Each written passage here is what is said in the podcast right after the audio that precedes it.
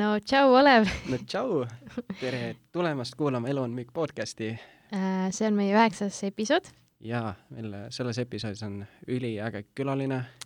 Enrico Pärnpuu, minu naaber. naaber jah, oota, aga ma kõigepealt äh, ütleks seda ka, et meie podcasti idee on siis äh, rääkida sellest, kuidas tegelikult müük äh, ümbritseb meid igal pool ja sellest ka, et müük ei ole pähemäärimine, millest me tegelikult selles episoodis väga rääkida ei jõudnudki aga samas ma arvan, et selles, see kindlasti üks mu lemmikuid episoode ja me saime väga-väga palju ägedaid mõtteid siin äh, äh, nii-öelda ära, ära räägitud omavahel Ke.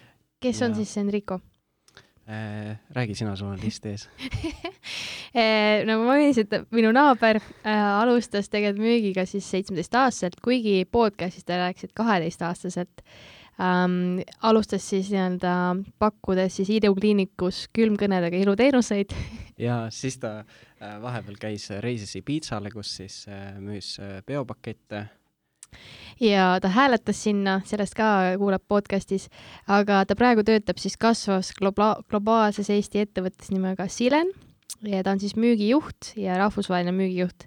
ta on siis avanud kaheksa uut turgu ja sõlminud seitse uut rahvusvahelist diilerlepingut. Et väga-väga-väga-väga äge, inspireeriv kutt ja ja ta tegelikult väärtustab äh, suhteid, pere äh, ja siis inimesi, kes julgevad olla need, kes nad tegelikult on ja mille, mille järgi ta elab, üldse on äh, nii-öelda mõtted, siis ongi see, et whether you think you can or can't, you are right. või siis it's never too late to be what you might have been. With patience you can even cook a stone ja lisaks tavatööle ehk müügil tegeleb ta eraettevõtlusega, võitluskunstide, täpsemalt siis taiboksiga ja investeerimisega. ja ta elab mindsetiga, et, et on nagu olla pere, parem siis, kui ta oli, ehk olla iga päev parem, kui ta oli eile, üleeile, kolm kuud tagasi või kaks aastat tagasi. jaa, nii et head kuulamist teile, minu nimi on Olev. mina olen Elizabeth.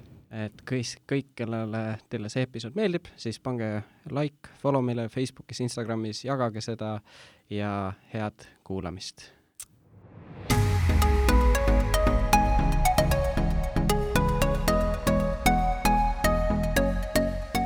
tere tulemast, onju, kuulame üheksandat episoodi, me oleme Tallinnas omadega Äripäeva kontoris. üliäge. ülitore on olla siin. tere, Enrico! tere kõigile! Need alguses on alati kõige naljakam nagu kuidagi saada Ice breaking. jaa, et see, et kuule, aga räägi, mis sa siis täna tegid minu päev oli täna lihtne, ma ärkasin üles, siis äh, ma olen endal muutnud harjumust äh, hommikusöök hilisemaks teha. Lihtsalt, et äh, kuna suvi on tulemas, siis äh, hoida nii-öelda see fasting periood nii-öelda pärast ööd kaugemal. ja siis äh, algas mu päev emailide lugemisega. ja siis vaatasin, et mis, mis nagu noh, mu töö nagu hästi tihti sõltub sellest, et millised on mu emailid, et need kujundavad mu päeva. siis oli niisugune kõva ettevalmistus koolituseks, mis EAS-i poolt homme siis hakkab meile käisin jooksmas ja siis tulin siia, niisugune väga lihtne ja mingeid erilisi tegevusi otseselt ei olnudki täna. chill päev. aga kusjuures enne, kui me siin pommitama hakkame, räägi võib-olla üldse, et kes sa oled ja mis sa teed ja ja, ja mis su taust on ja ma lisan mm, -hmm. lisan siia veel seda, et Enrico on minu naaber. jaa äh, see on see, mis mingi seitse, see vana sa olid seitse või? nii. või nagu päris, päris nagu lapsepõlve? täiesti, täiesti ikka siis, kui liivakastid ja batuudid olid siis. me, ma reaalselt viimati vist nagu näg-, nägin ja rääkisin, kui sa olid seit-, ma said ka-, sa said kaheksa aastat, ma sain, ma olin seitsmeaastane siis. kuidas see teenage glow up või see on olnud on? ainult ülespoole. Ainult ülespoole. Ei, aga kes ma olen? ma arvan, et see on see kõige lemmikum küsimus kindlasti. Mm.. aga ma alustasin nii-öelda siis, kuna me räägime Elu on müük, podcast on ju, siis minu müük, ma arvan, algas kaheteistaastaselt umbes et äh, ma ei tea, kas Elizabeth kui naaber teab seda, aga proovisin nii-öelda jäätist müüa maja ees. ja see oli nagu niisugune väga naljakas ärimudel, sest ma ostsin nagu, mäletan seda, ma ostsin Konsumist jäätise ja siis ma müüsin selle nagu odavamalt maha nagu tänaval Aa, ma nagu väga ei saanud aru sellest, et nagu peaks kasumit teenima ja ma tahtsin lihtsalt midagi müüa. Ja, ja siis sealt see hakkas, äh, siis otseselt ma nagu noh, sellist nii-öelda tehnilist müüki teinud äh, mõnda aega. Ja siis ma sattusin, ma arvan, mu esimene niisugune müük oli Lioness mm, -hmm.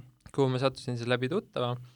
Ja seal ma sain nagu selle esimese, kuidas öelda, mm, mindset'i eesmärkidest, plaanide tegemisest äh,, nii-öelda action take imisest, inimestega network imisest, kõik see, et nagu äh, ei ole ise otseselt Lionessi fänn, ei nagu pelga ka inimesi, kes seda, kes sellega tegelevad, aga jah, ku-, kuusteist, seitseteist olin umbes, kui ma sellega kokku puutusin. Ja, ja, ja siis alguses nagu läksin sellega kaasa, nägin, et see pigem nagu võtab mult nii-öelda tuttavaid ära, kui toob neid juurde, on ju. Äh, proovisin, olin ka nii-öelda tiimliider ja siis üks hetk sinna ma ta jätsin, et Mm. lihtsalt nagu niisugune üli, noh, minu jaoks ma saingi sealt selle kasu, et ma õppisin inimestega natuke juba suhtlema ja teine oli see, et ma sain sellisest külmkõnede hirmust, kirjutamisest, sellest üle, et seal pidi nagu neid kõnes ja asju nii palju tegema ja samas oli see self-improvement. see on päris Äh. äge tegelikult, sest äh, ma olen ise ka korra seal äh, Lionessi seda nii-öelda noh, kas just teinud, aga mul oli ka mingi, ma ei tea, kümnes klass vist või Mm. see oli kuidagi siis, too hetk see suht nagu poppis vaata, see järsku mingi olid hull mingid. Lionessi tegelased igal pool. et siis samamoodi mingi sõbraga tegime selle kaardi ära, aga nagu me ise kunagi seal mingi otseselt mingi tiimi ehitamise värbamiseni jõudnud, et oli see, et ma jagasin isegi flaiereid isegi koolis kaarte hingega nagu okei ja olen ka mõnes mõttes terve elu spordiga tegelenud, et äh, oli mul hästi pikalt hobiks jalgpall.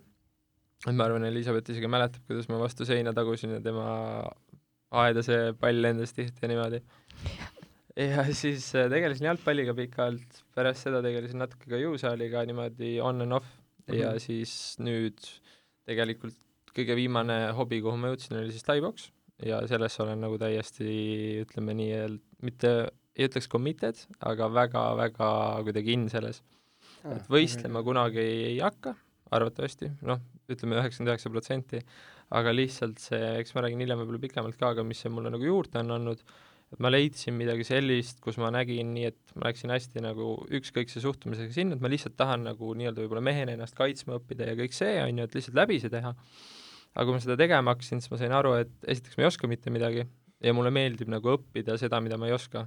ja see ongi mul nagu hästi niisuguse kire selle vastu välja löönud, et ma lähen iga kord saali ja ma tunnen, et ma nagu õpin midagi, samas mu nagu vaimsele poolele on see ülihea, et see kogu nagu see trenn ja kõik see. ja mis veel minust, ükskord sattusin siis naiste ilukliinikusse. Äh, niimoodi, et äh, ma ei olnud, põhimõtteliselt ma ei olnud kunagi palgatööl käinud. Ja, ja siis äh, mõtlesin, panen oma CV üles, CV oli muidugi tühi. Ja siis äh, tuli kõne, et kuule, et kutsume teid äh, vestlusele. Siis ma olin nagu alguses, et okei okay,, väga ei saanud aru, kuhu kohta, midagi, sõnumiga saadeti aadress. Läksin siis kohale, koha nimi oli Royal Glace ilukliinik Ahtri tänaval. ja siis, kui ma sinna kohale jõudsin, siis ma nagu läksin liftiga üles ja vaatasin, et ainult naised, et nagu reaalselt null meest oli seal ja siis ma mõtlesin, et no okei okay,, et vähemalt selles suhtes on nagu huvitav koht ja ja, ja läksin vestlusele, öeldi, et noh, et külmkõned, hakkad äh, naisi kutsuma iluprotseduuridele.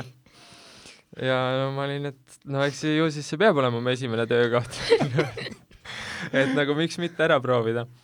ja, ja siis töö nägi jah siuke välja, et kohe vist järgmine päev alustasin, minu arust kas äh, palgast niimoodi väga ei räägitud töövestlusel, öeldi, et küll me välja selgitame selle, onju siis, kui midagi müüd lõpuks on ju. jaa, just.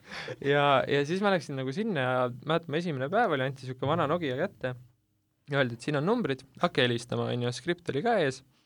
Ja ma mäletan, ma tegin mingi viissada kõne, kui mul tuli esimene nagu müük, on ju. see oli nagu niisugune näokreem või midagi sellist, mingi kõige odavam müük ka, on ju. ja see oli vist mu kolmandal päeval, ehk siis noh, neid kõnesid oli päevas sadu ja sadu. no ikka päevas ütleme sada kakskümmend kuni sada viiskümmend kõne sest enamus, enamus olid siuksed, et noh, et oot, aga kas ma olen liiga kole teie arust, head aega, kinni onju.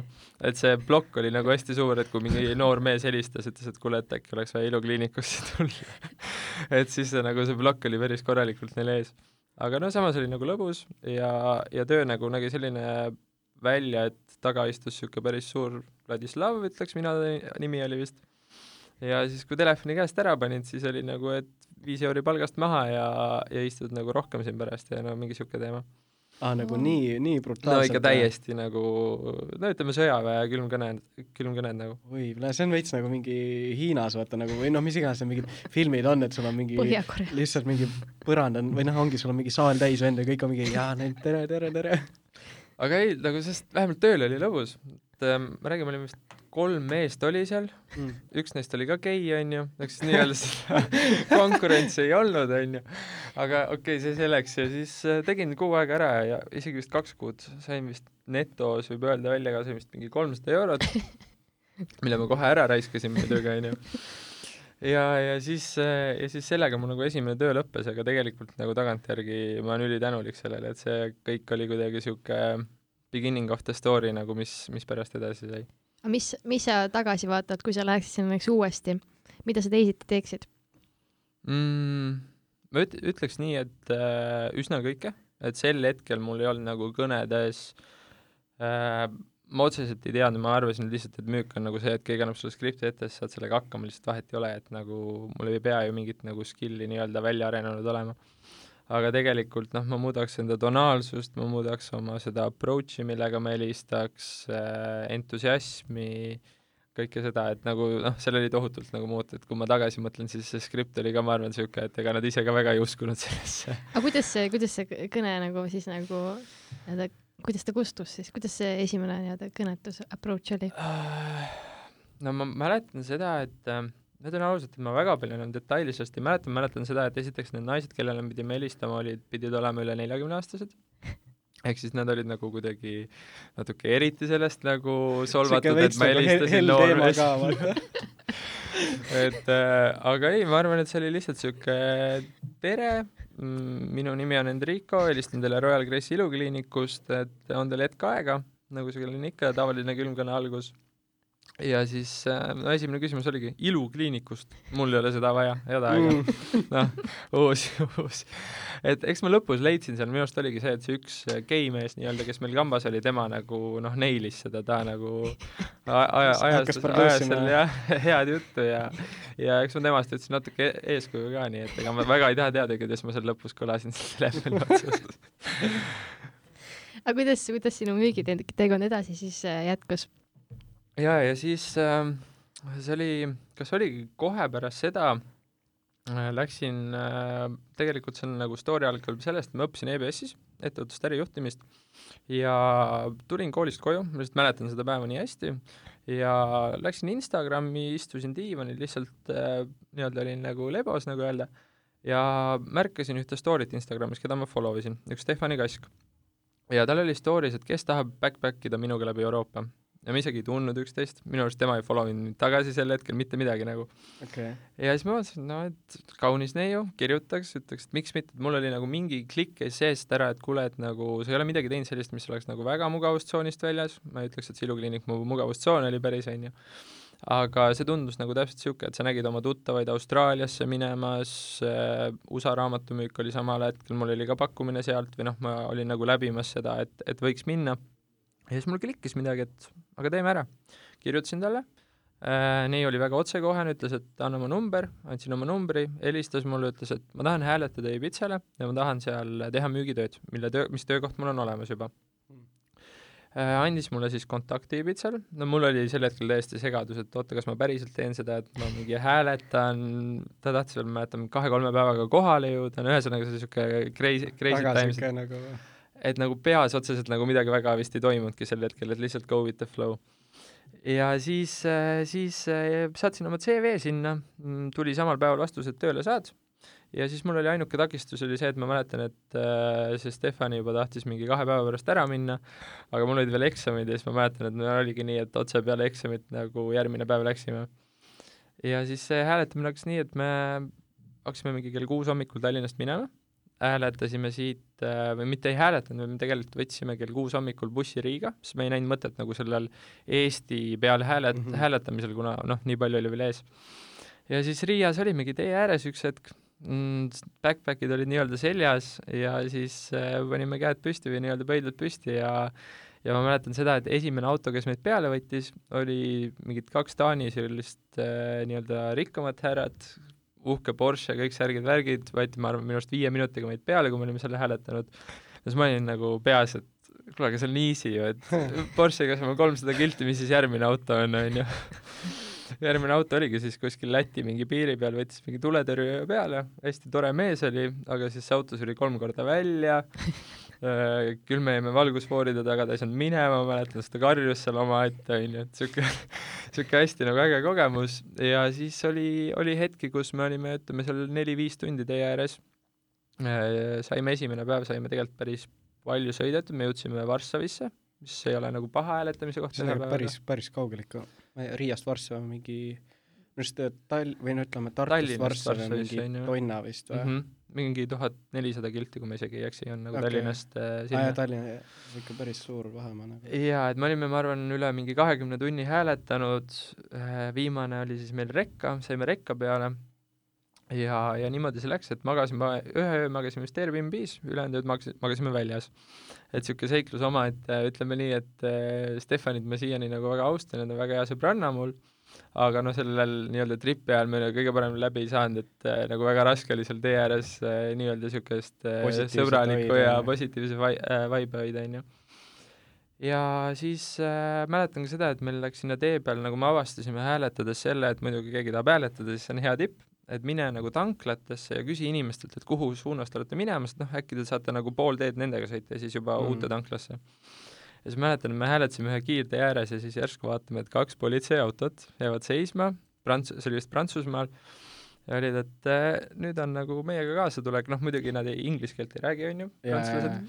äh, eriti, ja siis äh, võtsid meid peale. Ja siis tahtsid meile trahvi kirjutada, et siis me ütlesime, et sorry, et meil ei ole sularaha, et äh, viige meid tanklasse, viisid meid tanklasse, seal ei töötanud see sularahaautomaat politsei ütles, et nojah, mis siin ikka, onju, et äh, laseme teil minna ja põhimõtteliselt äh, jäi nagu see seiklus ka peale, et nagu politsei võttis meid peale, sest noh, sa ei tohi kiirtee peal olla jalgsi, onju. aga lõpuks me ei pidanud trahvi maksma ja saime tasuta sinna, kuhu me tegelikult tahtsime minna. et siukseid, äh, noh, me sõitsime mingi pitsaautodega ja, ja, ja Šveitsis ma mäletan, oli üks koht, kus ma nagu päriselt kartsin, nagu mul oli alati see, et enne kui ma läksin, siis mu ema pani mulle mingi õnnekivisid taskusse, ütles, et noh, et igaks juhuks. et stay well, on ju, et sa lähed ikkagi nagu neiuga, et keegi ei tea, mis seal tee peal võib juhtuda ja mis kellelgi pähe tuleb ja siis äh, siis ma mäletan, et Šveitsis oli tõesti üks kord, kus ma nagu päriselt kartsin, et me tulime kuskilt rongilt maha ja siis oli äh, ütleme, kell oli mingi üksteist õhtul ja, ja, ja see koht, kus me olime, oli ainult selliseid suuri kampasi, nii-öelda neid äh, pagulasi, selliseid täis, kes nagu Aa, kõva häälega kommenteerisid. mm.. oi, raisk. ja sealt me võtsime, see oli vist ainuke kord, kui me tripi ajal nagu Uberi võtsime, et muidu me võtsime Medžidi, on ju, aga siis oli see, et võtame Uberi, lähme minema siit. Ja siis äh, minu üks nii-öelda meeldejäävamaid öid oli see, et me jäime Šveitsis kuskil kiirtee ääres magama äh, täiesti niimoodi, et mingit telki ega midagi meil ei olnud, lihtsalt magamiskotid maha, põllu peal. ma mõtlesin äkki mingi telk või hämmak midagi kaasas. mitte midagi ei olnud. mis sa ja siis äh, jäime põllu peal magama ja siis ma mäletan hästi seda, et noh, ega Šveitsis ütleme juuni alguses midagi väga sooja ei ole ju. ja jäime kuskil seal, ma arvan, kümme, kaksteist kraadi oli sooja, jäime niimoodi magama hommikuks oli, me olime täiesti läbimärjad, sest oli nagu pool ööd oli vihma sadanud, siis kogu sellest põllust oli saanud nagu mudahunnik, on ju, me olime mudasid, siis mul on mingi flashback sellest, et ma siiamaani ei tea, et kas see oli unenägu või mitte, et üks hetk nagu mingi põllumees käis meid vaatamas ka, et ma tegin silmad lahti, niisugune sõitsi põllumees vaatas meile otsa, vaatas niisuguse imeliku näoga, et miks nad siin magavad ja tegi oma tööd edasi, aga ma siiamaani ei tea, et kas see oli nagu lihtsalt mingi unenägu või mitte aga siis, mis siis juhtus, oli see, et me ärkasime seal põllu peal ja kuna me olime Šveitsis ja meil olid Euroopa mobiilipaketid, siis äh, meie kõik telefonid olid kinni pandud äh,. sõnumid olid mõlemal, ma mäletan, mul oli vist mingi nelisada eurot, et makske nelisada eurot Elisale kohe, siis saate telefoni lahti ja sellel äh, Stefanil oli midagi sarnast. ja siis me olime nagu täiesti, ütleme, läbi külmunud, riided vanad te olite üldse, kui te seda tegite? Mm, kakskümmend üks. aa, okei, okei no ikkagi suht nagu noorena ka. olen kakskümmend neli praegu okay.. et siis ütleme jah, kolm, kolm aastat tagasi oli see. okei okay. ja siis, jah, ärkasime seal mudasena ja ilma levita ja see oli nagu katastroof, et meil ei olnud Google Maps'i mitte midagi ja siis äh, lõpuks nagu saime sealt välja, saime kuidagi need arved, asjad makstud, mis muidugi ajas meie budget'i täiesti lõhki, et me selle telefoniarve pidime maksma. ja viimane mälestus, mis mul sellest hääletamist on see, et äh, Hispaanias, noh, me pidime nagu Barcelonasse minema äh,, me book isime oma lennuki päris ette ära, et me tegelikult olime kogu aeg nagu selles, et meil ei ole nagu otseselt aega kuskil passida, et lihtsalt nagu sõidame kogu aeg. ja siis ma mäletan nagu seda, et üks paar viis meid lennujaama ja see oli täi-, täiesti niimoodi, et äh, noh, niisugune filmitsenaarium, et lennuk oli juba, põhimõtteliselt inimestel oli turvavööd kinni, meile öeldi, et me teid enam peale ei võta äh,, lennukile te ei saa ja siis mis juhtus, oli see, et me nägime oma, kas me olime vist enne kohvrid ära andnud ja me nägime oma kohvreid selle masinaga liikumas, mõtlesime, et kuule, et need on meie asjad, palun, me tahame selle lennu-, lennukile. Ja siis see kohvrivend ütles, et tulge, ma äh, nagu aitan teid lennukile. Et niisugune kõik oli at the last minute. ja siis, kui te kohale jõudsite, seal, mis, mis sa siis, mis tööd sa seal täpselt siis tegid, mis? jah, siis hakkaski nii-öelda mu müügitöö, et äh, siis äh, meid viidi nagu mänedžeritega kokku, öeldi, et me müüme siin peopakette, et Ibiza on nagu hästi selles suhtes äh, noh, hästi laialdane pidude mõttes, et sul on võimalik nagu neljal erineval pool party'l käia, boat party'l, mida iganes. Ja siis, äh, siis meile nagu öeldi, et me hakkame neid peopakette müüma, äh, need olid üsna niisugused premium, ehk siis nagu premium hinnaklassis, suht kallid. nagu.... Okay. ja, ja müük oli puhas. Tänaval approach imine, suvalised inimesed, enamus olid britid, ja eks siis minu jaoks alguses oligi see raske, et äh, mine selle nii-öelda noh, Põhjamaa, Euroopa, Põhja-Euroopa või siis nii-öelda niisuguse e eestlasliku inglise aktsendiga sinna ja hakka neile brittidele müüma, on ju. et äh, siis oli tegelikult see, et me kaks nädalat ei müünud mitte midagi, olingi täiesti nulli peal äh,, rahad said mul otsa ja siis oli mul nagu hästi niisugune ma ütleks isegi mental breakdown, aga kõige raskem hetk nagu, mis mulle hästi meelde jäi, et ma mäletan seda, et mul oli null raha ja mul oli, ma ei olnud mingi kolm päeva midagi söönud peale jääkuubikut ja võib-olla keegi share'is midagi oma külmkapist, et me elasime seal mingi kahekümne viie inimesega kahe korteri peal, et niisugune ulmerahvas oli korteris ka, ja kogu aeg lasti inimesi lahti, sellepärast et nad ei saanud müügiga hakkama ja nagu minu, neid sama, samu inimesi, kellega ma koos, koos startisin, siis ma kogu aeg mõtlesin, et okei okay,, mind lastakse kohe lahti, siis ma olen kodutuses, see ööbimine on selle töökoha poolt, on ju, ja, ja siis oli mingil põhjusel need mänedžerid nagu uskusid minusse, ma sain nendega hästi läbi ja nad ütlesid, et me usume sinusse, et sa saad hakkama sellega. ja nad ütlesid mulle, minu arust oli nii, et mul oli kolm päeva enne esimest müüki, nad ütlesid, okei okay,, nüüd me teeme sulle kõik peod välja, sa paned nii hullult pidu, kui sa saad, ja siis sa saad aru, mida sa müüma hakkad. Ehk siis nad olidki nagu nii, et me noh, teeme kõik need peod läbi, mida sa müüd, et siis sa nagu hakkad müüma. ja nii, nii läkski, et ma nii-öelda sain eksperdiks, et mi-, mis on nagu see Ibiza tegelikult, millised need peod on, ja pärast seda oli nagu noh, ütleme nii, et üks lahedamaid suve, suve kindlasti mul elus, et et see kogu see Ibiza trip tegelikult andis mulle nii palju rohkem kui lihtsalt see tänaval müük ja see kogemus ja ma ei tea, need peod või mida iganes, et tegelikult ma üks hetk avastasin ennast nii, et ma kõndisin mingi, ma ei tea, ütleme veerand kaksteist õhtul kõndisin tänava peal ringi ja ma lihtsalt läksin inimestega rääkima lihtsalt olin nagu noh, seal oli see inglastel on see you are right väljend on mm. nagu hästi niisugune tavaline, on ju, mis kõik ütlevad nagu põhimõtteliselt hi üksteisele yeah, niimoodi, on ju. Ja siis ma lihtsalt nagu olin kõigile, et hey, you are right, you are right. Ja siis nagu inimesed tulid rääkima, siis ma üks, ükskord mõtlesin, mida ma teen nagu, ma lihtsalt räägin suvaliste inimestega tänaval, et see on kuidagi nagu nii äh,, pole nagu minu karakter päris.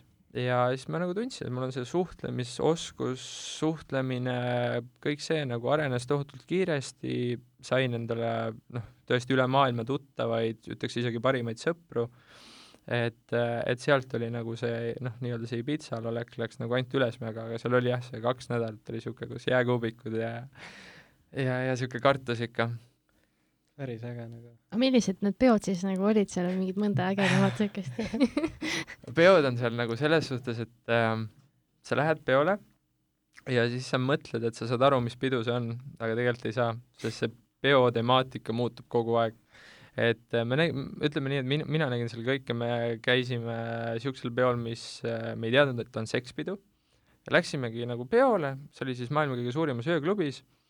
Järsku vaatame, et noh, sõber koputas õlale, et kuule, et vaata, et sul on nagu pea kohal on nagu paljud naised. ma ütlesin, mis asja sa ajad, on ju. ja siis olidki nagu tsirkuses selliste nööride köite peal olid paljud inimesed laes, siis läks lavale, läks show'ks, noh, ma arvan ise, et kujutate ette, mis sekspeol, mis show'ks laval läheb, on ju, kõik inimesed on täiesti niisuguse rahuliku näoga, filmivad, teevad, siis hakkas, vahepeal hakkas mingi vahupidu pihta, pihta, on ju, keset publikut kõnnivad igas sellised Eh, multikategelased täies riietuses, eh, ma ei tea, mis asjad isegi neil seljas on, eh, ja üldse need, kuidagi see pidude meeleolu ja kõik see on nagu selles suhtes mulle hästi meeldis, et kui ma võrdlen seda, ütleme, Eestiga või selliste kohtadega, siis ma ei näinud kolme kuu peale mitte ühtegi kaklust.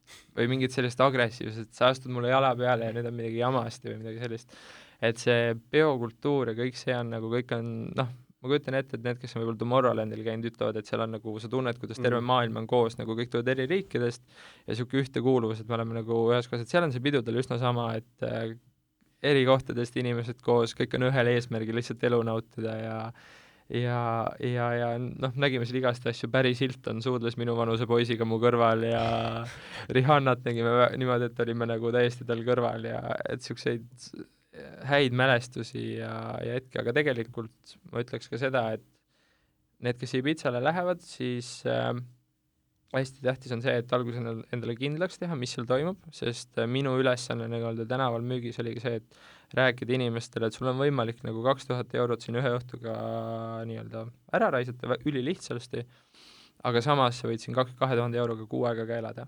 et tegelikult see noh, inimestel oleks nagu nii-öelda, kes plaanivad kunagi Ibitsale minna, mida ma soovitan vähemalt kindlasti ühe korra, et lihtsalt see arvamus ja kõik see, et natuke ennast kurssi viia ja teiseks oli see, et kõik noh, mu tuttavad olid alguses, aa, sa võid kolm kuud pidu, et nagu on sinust midagi alles ka ja mm. nii edasi, et tegelikult oli, ma nautisin seda saart ja seda loodust ja seda palju rohkem, et ma nagu üks hetk olin peoga, et ja, ja, aega on nagu, saab uuesti tulla. okei okay väga äge, siis Eestis kuskile hollikasse vist vutti ei kisu nii väga?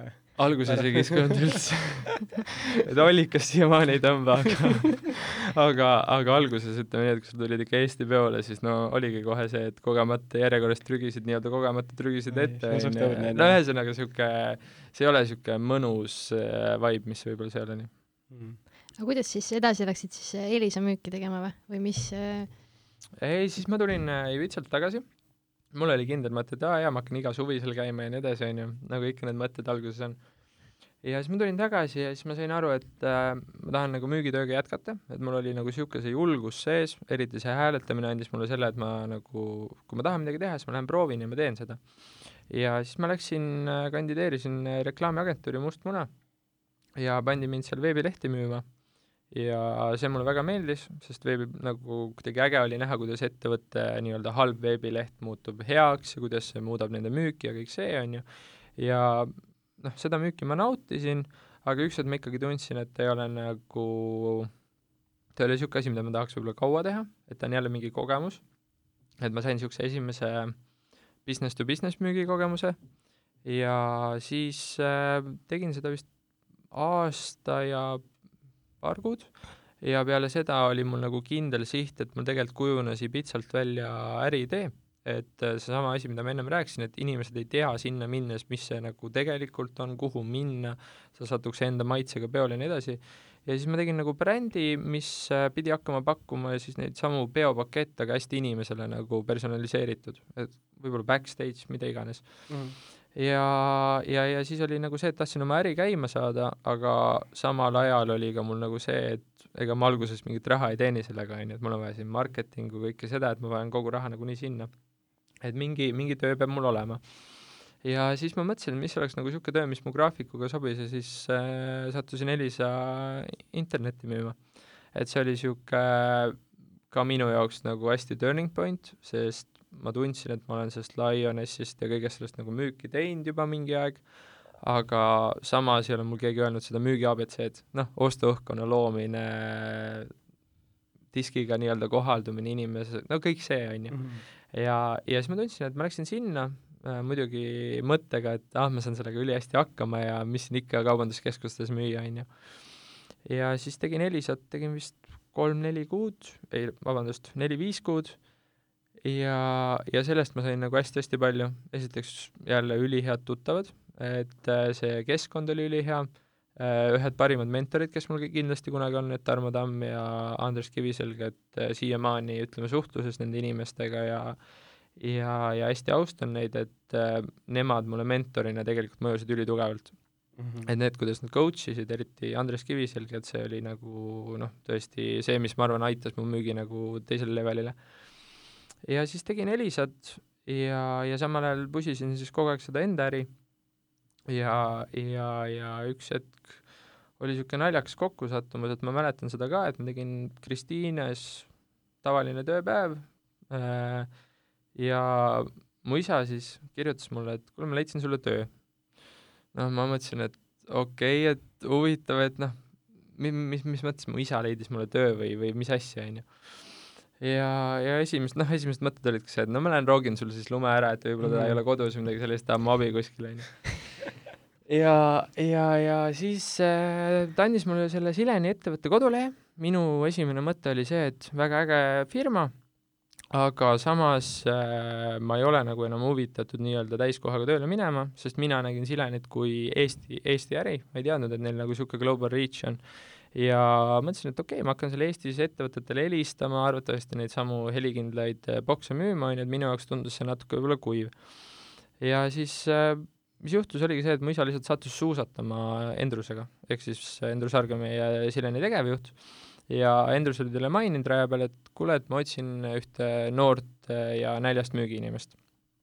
ja siis äh, ma helistasin Endrusele, ütlesin, et äh, ma nendega tutvustasin ennast, ütlesin, et sain su kontakti ja otsus oli lihtsalt see, et saame kokku ja räägime ära. ja mul oli sama, sama nagu seisukoht, et lihtsalt kuulan ära, mis on võimalus, ja läksin sinna tööintervjuule üsna niisuguse noh, ma, ma ei taha öelda, üks, ükskõiksus on võib-olla vale sõna, aga mul oli rohkem ikkagi see, et enda asi mm, -hmm. ma teen seda, mul on nagu kindel siht ees.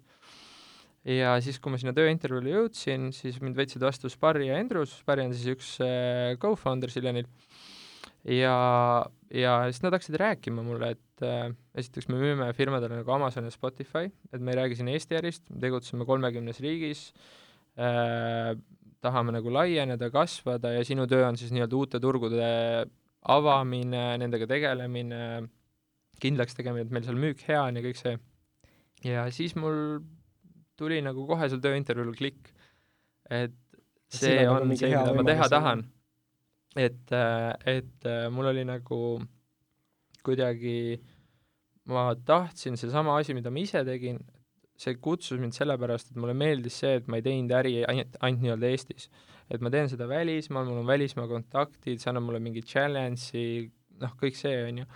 ja, ja siis äh, alguses muidugi, kui ma Silenisse läksin, siis ma noh, tundsin, et noh, noh, eriti nüüd võrreldes ma olin täiesti roheline mm. -hmm ja ega ma alguses natuke arvasin, et ma ei saa hakkama, et lihtsalt see vastutus ja kõik see ja noh, korra, korra küsin, vaata, et võib-olla mõni ei teagi, mis see Silen on, et siis võib-olla äh, kuulajatest, et siis selgitad mm, -hmm. millega siis tegelete Ehm, no ma alustaks sellega, et äh, ütleme, Silen on siis, äh, toodab helikindlaid äh, nii-öelda kabiine või siis bokse, et inglise keeles on see võib-olla sõna see boot või phone boot või see on palju nagu selles suhtes ilusam ja selle eesmärk on puhtalt see, et äh, kui teil on näiteks kogemus näiteks siinsamas kontoris või kuskil suuremas kontoris töötades, siis hästi tihti on see, et kõik inimesed on kuidagi ennast nagu isoleerinud ära, et need ei segaks kõrvalised asjad. on siis need kõrvaklapid, nad lähevad teise mingi koosolekuruumi, mida iganes, ja Silen toodabki niisuguseid helikindlaid äh, liigutatavaid nii-öelda bokse või puute, kus nagu neid kõnesid teha, lihtsalt fokusseerida Äh, käia one-on-one vestlusi tegemas, et mida iganes, et, et Sileni nii-öelda põhitoode on see, et lahendame nagu seda noh, ma ütleks open office'i probleemi, aga tegelikult me oleme aru saanud selle Sileni nii-öelda ajaga, et et me lahendame seda probleemi päris paljudes kohtades, et on need kohvikud, kaubanduskeskused äh,, Äh, lennujaamad, äh, samamoodi laod, tehased, kus sul on nagu vaja mingit keskkonda, kus sa saad korraks vaik-, vaikust, sa saad seal telefoni teha, äh, telefonikõne teha, Zoomi kõne, mida iganes. et see on põhimõtteliselt Silen. Silen müüb ennast tänaseks siis kolmekümne üheksas riigis, müügimud-, nii-öelda see ärimudel on lihtne, et meil on edasimüüjad, et meie ise nagu ei hakka otse nii-öelda kliendile müüma, et juba sellepärast, et me ei tea lihtsalt nii-öelda Inglismaa kohalikku päriskultuuri, on ju, et kuidas inglastega suhelda või kuidas Iisraelis inimestega suhelda.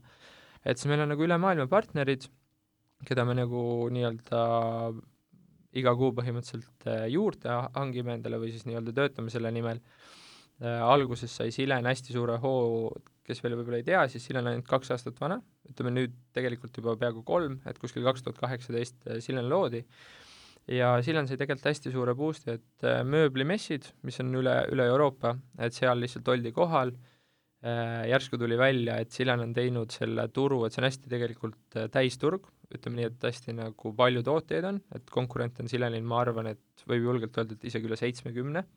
no kes toodavad sellist jaa, kes toodavad samu asju. aa, okei okay,, okei okay ja väga, väga raske turg selles ja, ja, ja siis Silen läks nagu nendele mööblimessidele, kus need siis kõik väljas on. Ja mis tuli välja, oli see, et äh, Silenil on nagu kõige parem toode, reaalselt nagu see helikindlus, ventilatsioon, et seal on neid väikseid nüansse.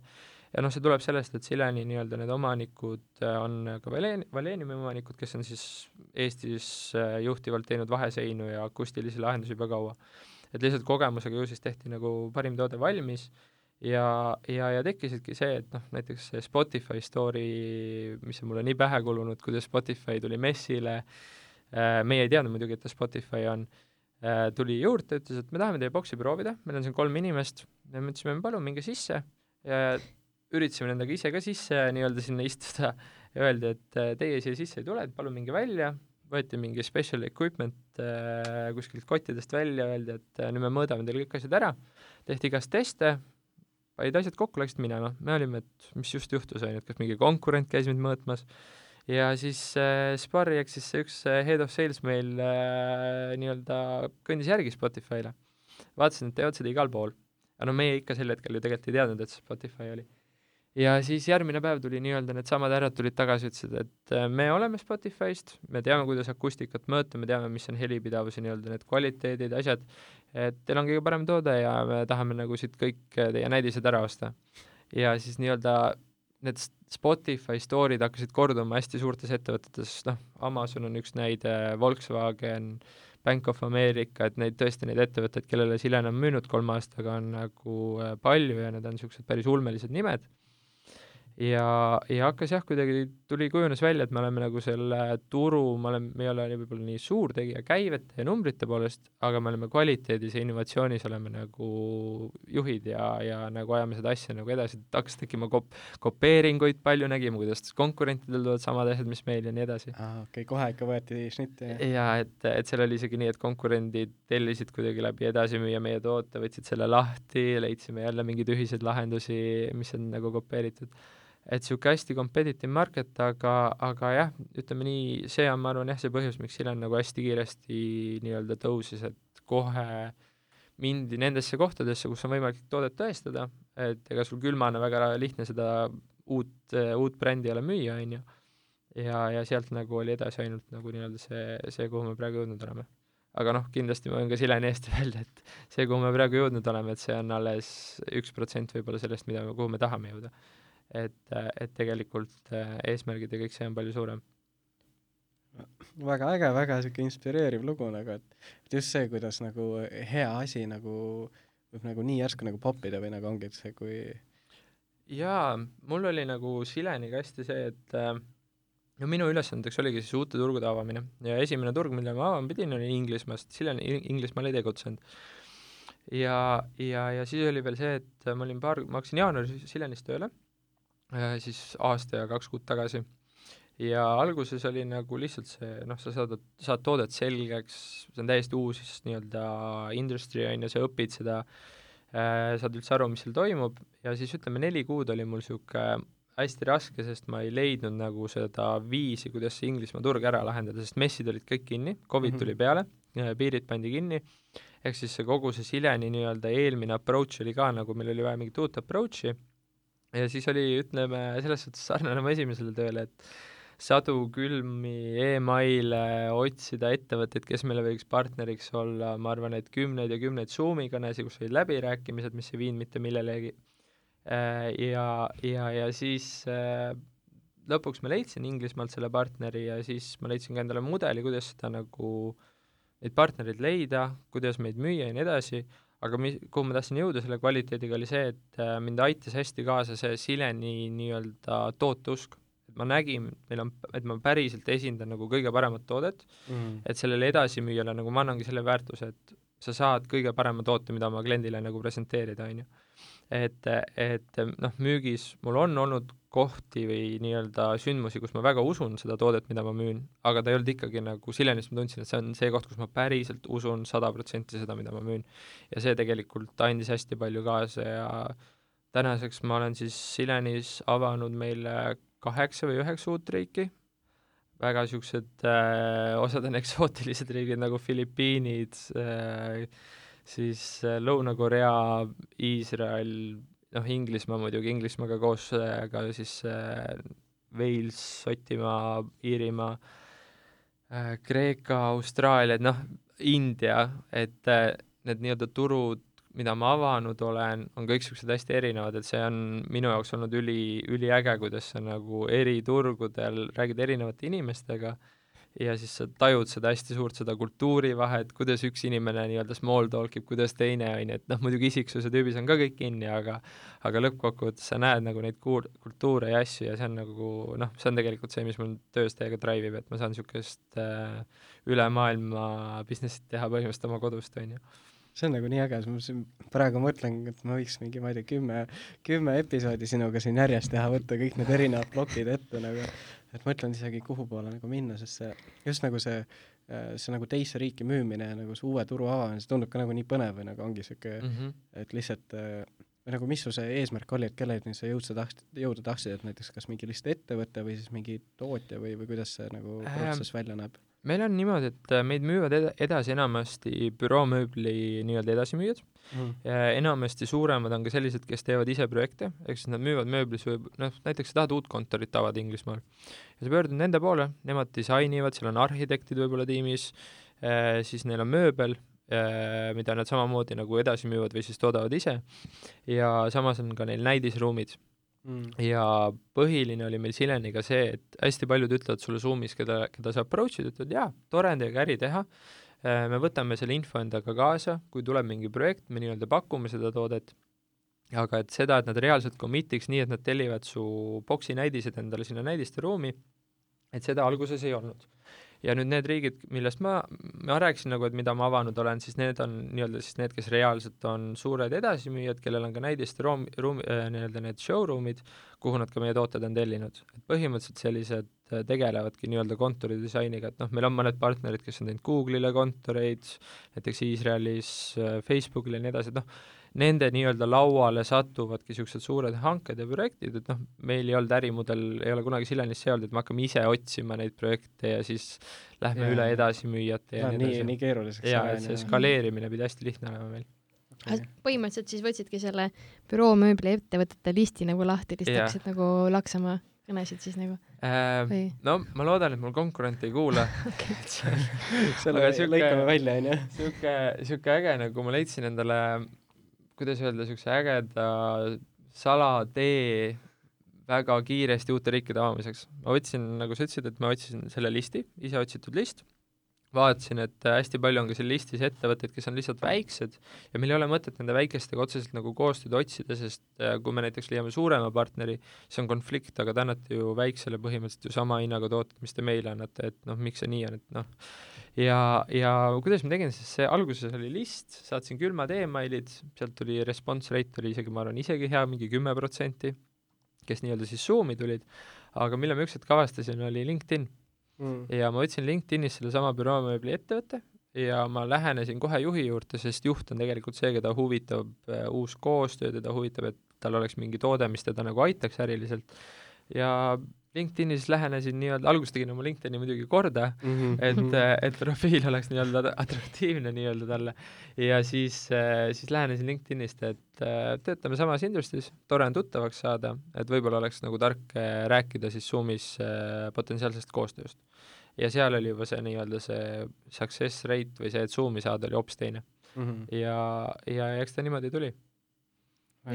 ülivinge ma küsiks siia veel seda, et ähm, noh, kuna sa oled mõlemad teinud nii-öelda business to customer, business to business, et äh, mis on need nii-öelda suurimad erinevused, äh, mida sa oled täheldanud? Ähm,?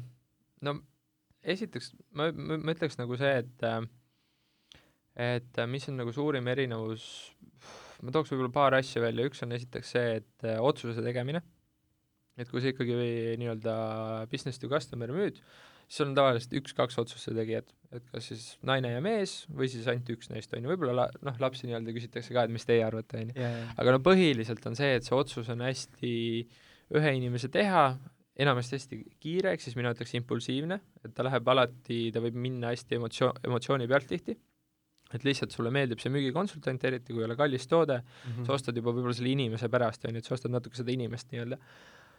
Business to business, otseselt keegi ei huvita, mis emotsiooni sa neile tekitad, et äh, nemad, esiteks äh, on neid äh, otsuse tegijaid palju rohkem, ehk siis äh, inimesi ütleme nii, et sul on tegevjuht, on võib-olla ülilõbus, hästi tore, aga tema äripartner on täielik finantsinimene, kes näeb ainult numbreid, ütleb, et see ost- või nii-öelda see tehing ei ole meile nagu mõttekas, sest see ei too meile, ma ei tea, kaks aastat raha tagasi.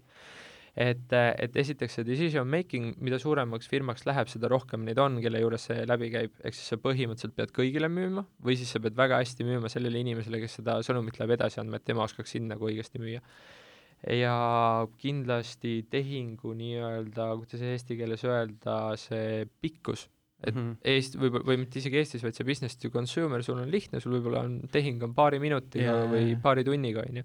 Et seal, noh, ma toon selle, selle Sileni Inglismaa näite, et ma alustasin Inglismaa partneriga, selle uue partneriga läbirääkimist, ma arvan, et mai alguses ja leping tehti reaalselt oktoobris et lihtsalt niisugune äh, väga reaalsest elust näide, kuidas nagu tehingu pikkus ja ma olen ka veel pikemaid tehinguid näinud, et mida ma alustasin septembris ja siiamaani on, ütleme, need viimased allkirjastamised on pooleli. No see on seda põrgatamist nii palju, et mingi just, punkt ei sobi, on ju, kõik mingi... just, lepingud, kõik see, et, et kindlasti see nii-öelda see tehingu pikkus äh, nagu ma ütlesin, emotsionaalsus väga ei loe, no muidugi inimesed tahavad usaldada sind ja sa tahad ikkagi usaldada inimest, kellega sa äri teed, aga seal on äh, number üks asi on see, et ole ekspert mm. -hmm. et see inimene, kellega sa nii-öelda üritad seda müüki või äri teha, tema tahab seda, sellest aru saada, et ta teeb eksperdiga seda. et ta teeb professionaaliga, tal on sellest äh, nii-öelda see kasu, et äh,, et ta näeb sind kas sama targana või targemana või noh, ta saab aru, et sa oled selle asja asjatundja, et sa tõesti oled nagu expert in your field ja, ja ma arvan, et see on nagu kindlasti niisugune üks põhiasju, et äh, eriti mul, ütleme, need inimesed, kellega ma äri teen, on minust tavaliselt kuskil kakskümmend aastat vanemad. Ma mõtlengi, sa nagu, kuidas sa nagu, ise oled nagu pigem noor kutt, vaata siis, et kuidas sa tekitad selle nagu professionaalse ja kõik see nagu ehm,? Ütle, ütleks ausalt, see on äh, trikk nii-öelda Jordan äh, Belfordilt äh, mm., kes õpetab nii-öelda seda straight line sale äh, mm. sales'i. lemmikraamat. on, on jah, mul on ja, ka. et äh, et see, et sa nagu esimese nii-öelda nelja sekundiga näitad äh, kahte nii-öelda põhiasja, sa oled ekspert ja sa oled entusiastlik. Ehk siis äh, kuidagi olen ma nagu endas ka selle mooduse leidnud, kuidas võtta neilt see plokk maha, et äh, nad ei näe mind lihtsalt nagu niisuguse äh, nii-öelda lapsena seal, sest noh, need inimesed on tihti, ütleme seal viiekümnendates ülikonnad, nad on kakskümmend viis aastat teinud seda asja ja nüüd mingi kahekümne nelja aastane tüüp tuleb, räägib, et ma peaks oma äris midagi muutma või, või ütleme midagi sellist, on ju. aga, aga lihtsalt see, et nad näevad, et ma te-, ma tean seda asja, ma tean nagu turgu, ma tean äh, olukorda, ma tean äh, kes turul tegutsevad, toodet läbi ja lõhki, et noh, mida iganes seda nagu seob sellega, et ma olen ekspert. et see võtab tihti tegelikult ploki maha, sest lõpuks on nagu see, et need business to business nii-öelda kliendid või partnerid või need, ne-, neil on nagu lõpuks ikkagi üks nii-öelda eesmärk, teenida kasu, see müük, mis sa neile teed, nemad näevad ainult oma peas seda, et mis on selle nii-öelda ROI, ehk siis return of investment, on ju. et ma arvan, et need on niisugused kõige põhilisemad äh, ütleme siis erinevused business to consumer. aga kui ütleme, inimene, kes on teinud business to customer müüki, tahab nüüd siseneda ja ise business to business müüki, et mis oleks sellist, ütleme, kolm nõuannet, mida sa, või kas või üks nõuanne, mida sa annaksid sellele inimesele äh,? No üks nõuanne kindlasti ongi see, et see, mida sa tegema hakkad, saa selles asjas nagu teadlikuks, teadvusta endale, millega sa täpselt tegeled, mis on turg, hoia kursis ennast inimestega, kes sellel turul nagu nii-öelda liidrid on, mida iganes, ja, ja, ja teine, et üks on see, et sa eksperdiks, aga teine on nagu, mis mina tegelikult hästi olen õppinud, mul on hästi tihti on kohtumised, ütleme, selliste suuremate firmadega. Äh, ja alguses on nagu jube närv, sul on, mhm. mul oli üks Zoomi kõne ühe tõesti nagu ütleme, noh, paari, paarikümne miljardilise ettevõtte nii-öelda juhatusega, kellel oli suur hange ja oli Zoomi kõne, seal Zoomi kõnes teisel pool oli, ma arvan, kuskil seitseteist inimest, nii et neist võib-olla kolmel olid kaamerad lahti, ehk siis sa ei näinud, mis neil teistel ka toimub, on ju. ja mina olin üks inimene, see, kes Silenit äh, nii-öelda esindas, et kolmekesti me olime ise seal Zoomis ja millest ma nagu kas või selle kõne peal, puhul nagu aru sain, on see, et äh, business to business, kõik on samamoodi inimesed, sa ei hakka rääkima mingid äh, kuidas öelda, need ei ole nii-öelda tulnukad, need on päris mm -hmm. inimesed, sa räägi nendega nagu päris inimene.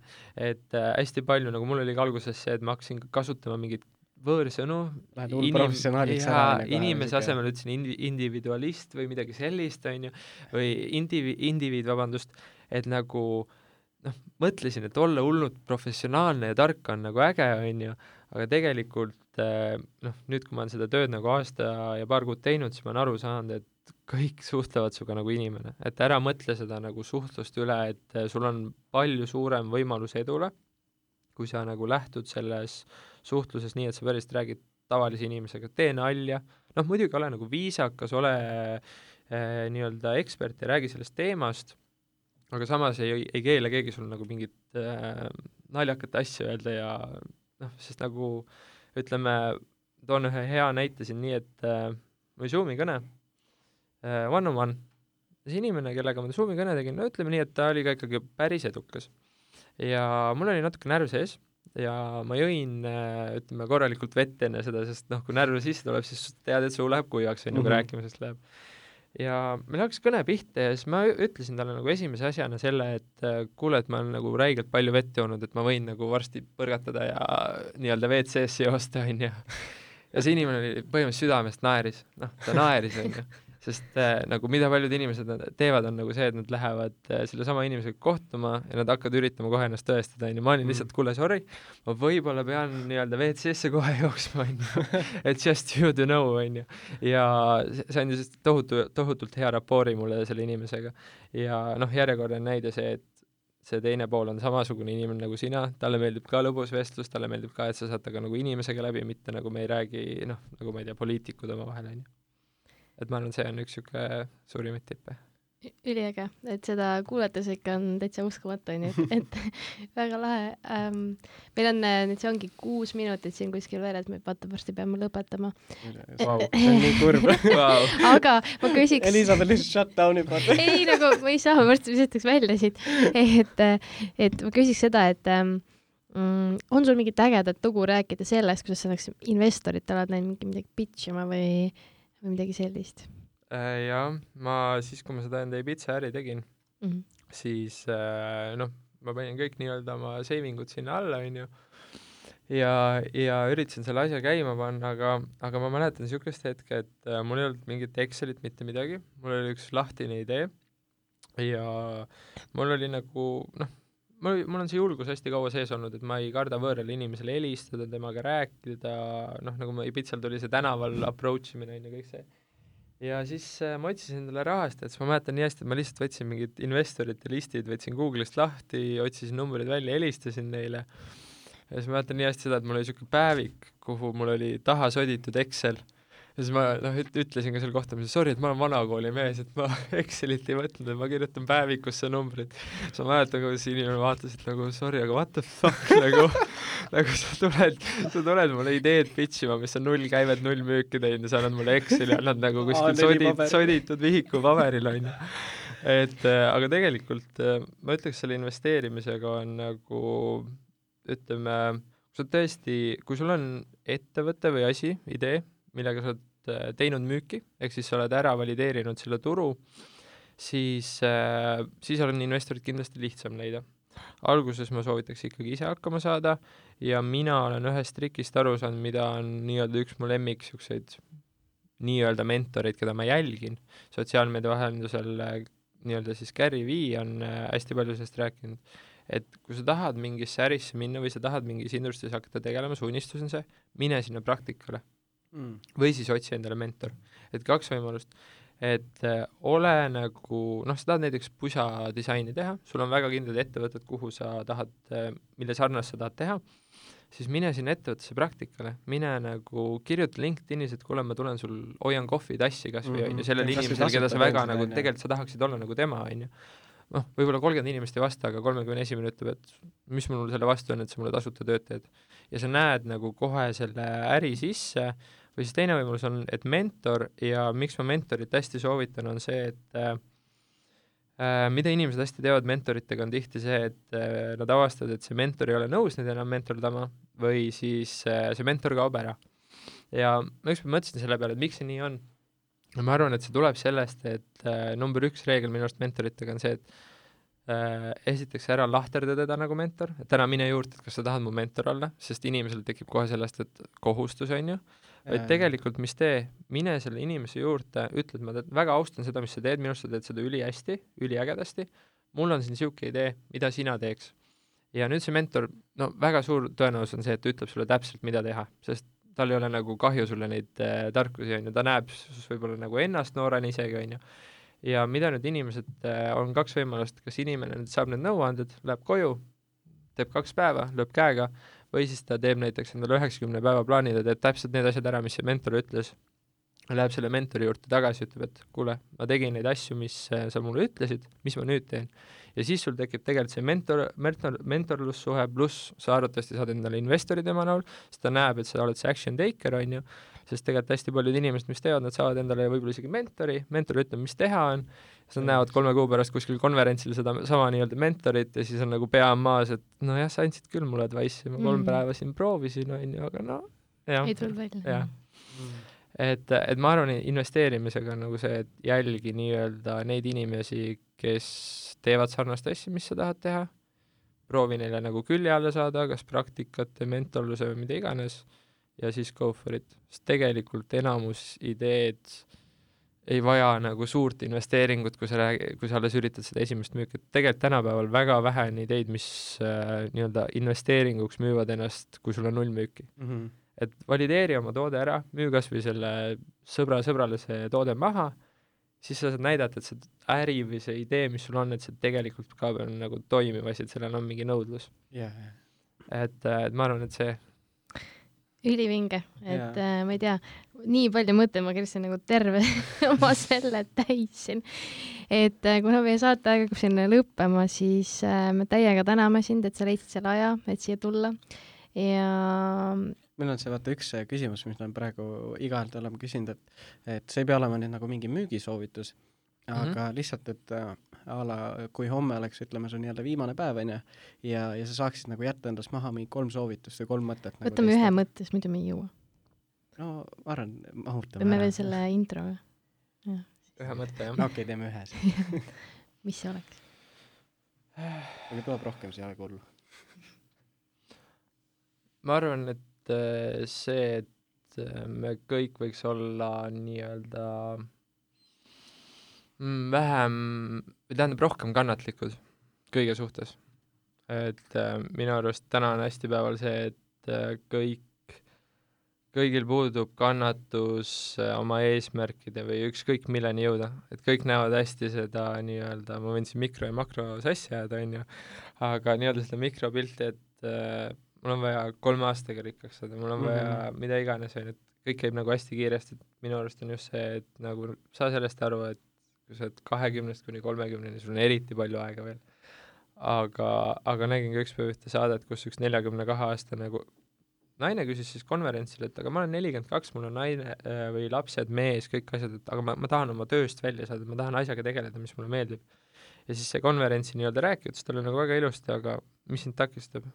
sul oled nelikümmend kaks ja nüüd sa ohverdad kolm aastat oma elust et tegeleda täiel fookusel sellega, mis, mida sa tahad teha, as a nagu side hustle alguses, on ju, ja siis sul on palju veel aastaid, no arvatavasti ütleme kolmkümmend, nelikümmend aastat veel, on ju, et noh, see on jälle see, et inimestel kuidagi äh, ma ise olen tä-, täpselt samamoodi selles süüdi mm. -hmm. et äh, näha pigem seda, et äh, we have so much more time, on ju, et me keegi ei tea, mis homne toob, aga samas nagu meil ei ole mõtet ennast vä-, läbi põletada sellega, et et kui ma kolmekümneselt, ma ei tea, finantsiliselt vaba ei ole, siis mu elu on läbi, on ju.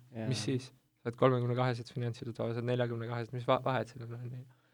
et kõik üritatakse minu arust tänapäeval eriti nagu üli-üliruttu teha, et leida võimalikult ruttu see rikkaks saamise kiirtee, no mida iganes nagu, et see käib minu arust kõige kohta. et tegelikult oleks nagu see aja, ajasse suhtumine, ütleme, tuleks inimestel rohkem paika saada, kaasa arvatud mul mm., mul on endal, ma olen ise seda ohver täpselt samamoodi.